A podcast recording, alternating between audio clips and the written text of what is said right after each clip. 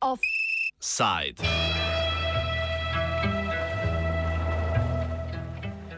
Post, Kijev, Post.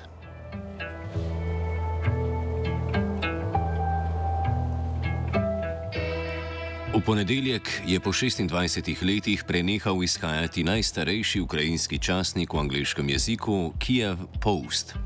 50 sodelavcev je obvestilo o tem, da so se znašli na cesti, prejelo o prihodu v časopisno hišo. Med njimi je bil tudi Oleg Sukov, ki je pri Kijev Postu kot novinar delal od leta 2014. Za današnji offside smo se z njim pogovarjali o zadju bojda začasnega umika časopisa iz medijskega obtoka, ki pa se van, vsaj v dosedanji vsebinski obliki, nikoli več ne bo vrnil.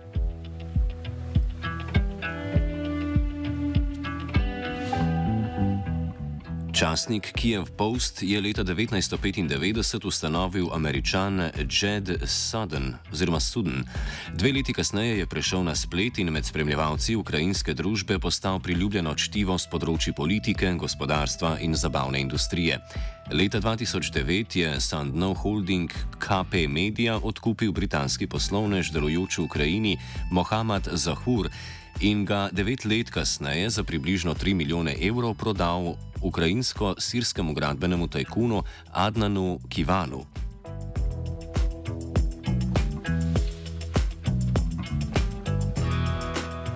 Kijev Post je od ustanovitve z raziskovalnimi zgodbami pokrival vse pomembnejše dogodke v ukrajinski posovjetski zgodovini, od umora novinarja Georgija Gongadzeja leta 2000, za katerega je bil kasneje obtožen tudi takratni predsednik Leonid Kučma, do obeh revolucij, oranžne leta 2004 in euromajdanske desetletje zatem, in oboroženih konfliktov, ruske invazije na Krimski polotok in Donbaške vojne.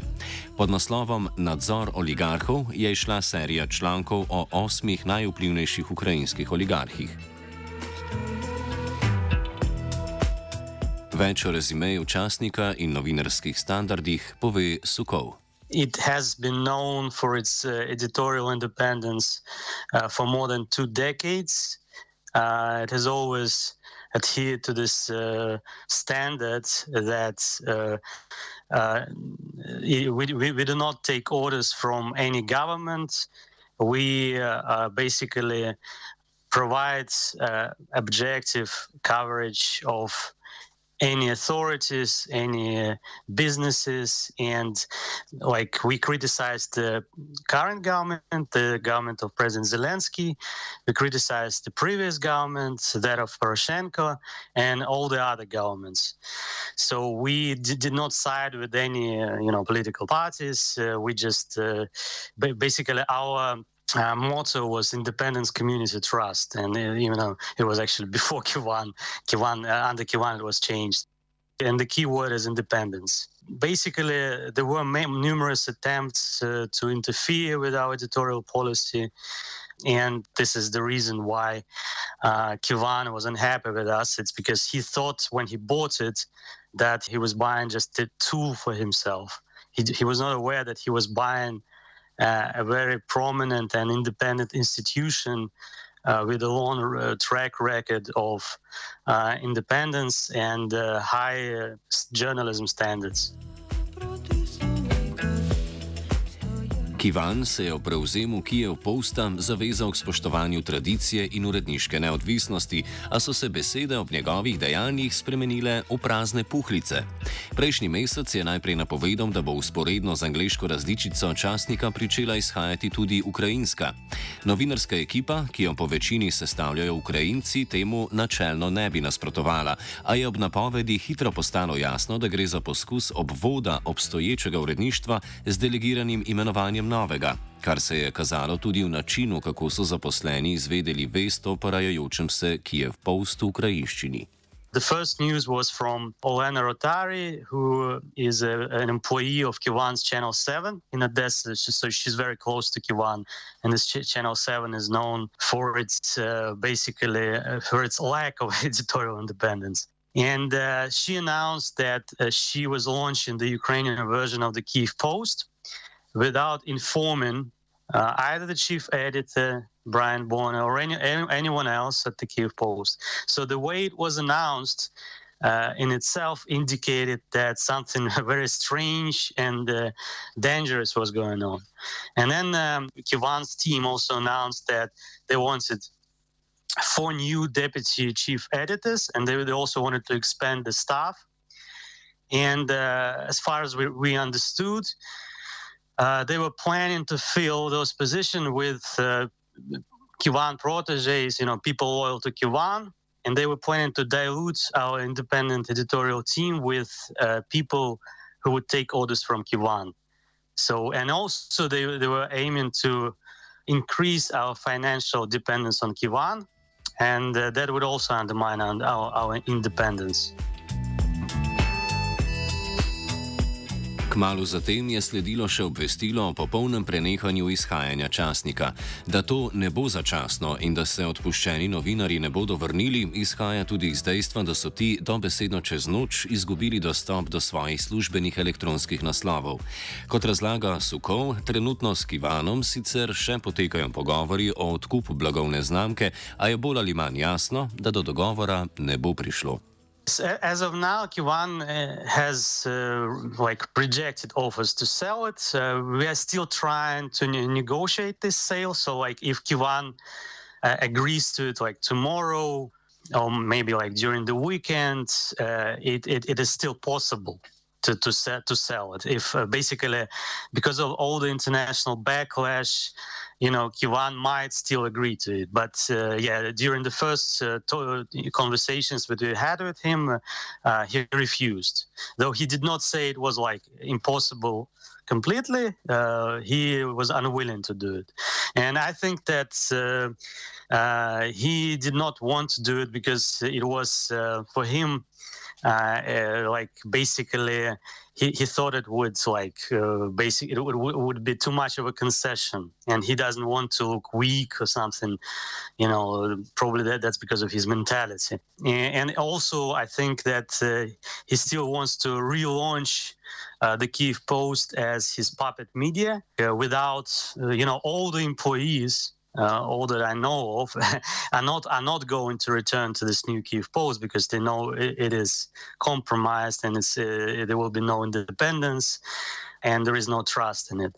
So basically, now it's an empty shell without any employees. It's just a, an office and a name. In kdo pravzaprav je Adnan Kivan? He's a businessman from Odessa. His main uh, business is uh, real estate. It's uh, called Kado Group and he also owns uh, Channel Seven, uh, uh, like an Odessa-based uh, regional TV station.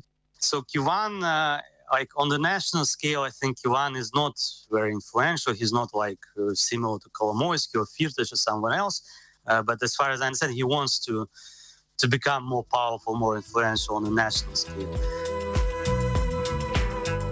Podobno kot nekatere večje ribe v oligarskem bazenu, želi tudi Kivan z vplivanjem na medije, ki si jih lasti, priti do osebnih koristi.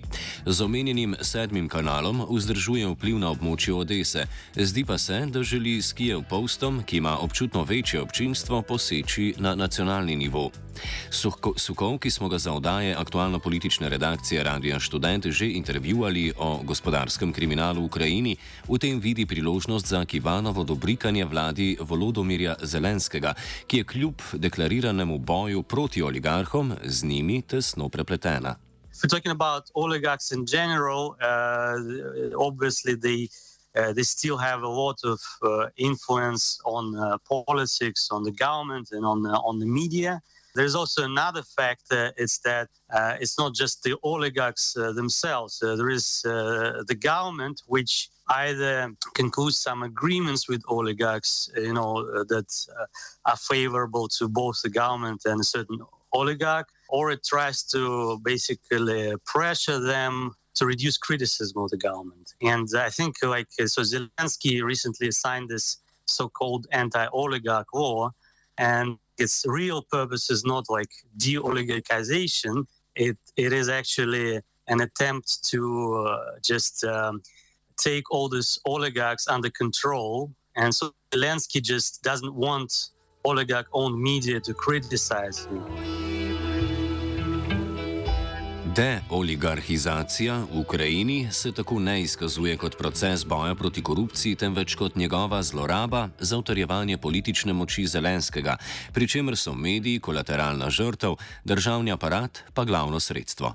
Uh, he uses this National Security and Defense Council to impose uh, uh, sanctions, uh, which are absolutely extra legal uh, and uh, which are extrajudicial. There, there are no court rulings. So they impose sanctions on various people arbitrarily without any objective grounds. And then he tries to use those sanctions to intimidate them, you know, to put pressure on them. And I think he will use this anti-oligarch law for that exact purpose too.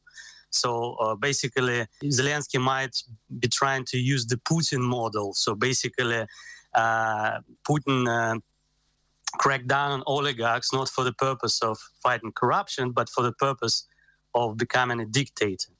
So Zelensky might be willing to sort of not, not, not crack down, but maybe like to, to try to put them under control, oligarchs, but not for the purpose of fighting corruption or you know for the purpose of the rule of law, but for the purpose of having absolute control. I think this is what Zelensky is after. He wants absolute control. Uh, I'm not sure he will he will manage to achieve it, but this is what he wants.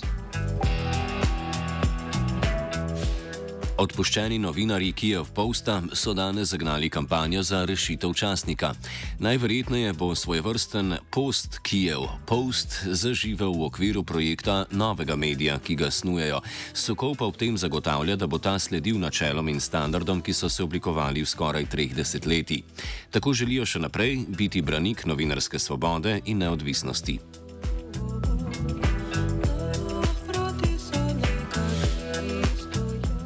Offside je pripravil Fabian.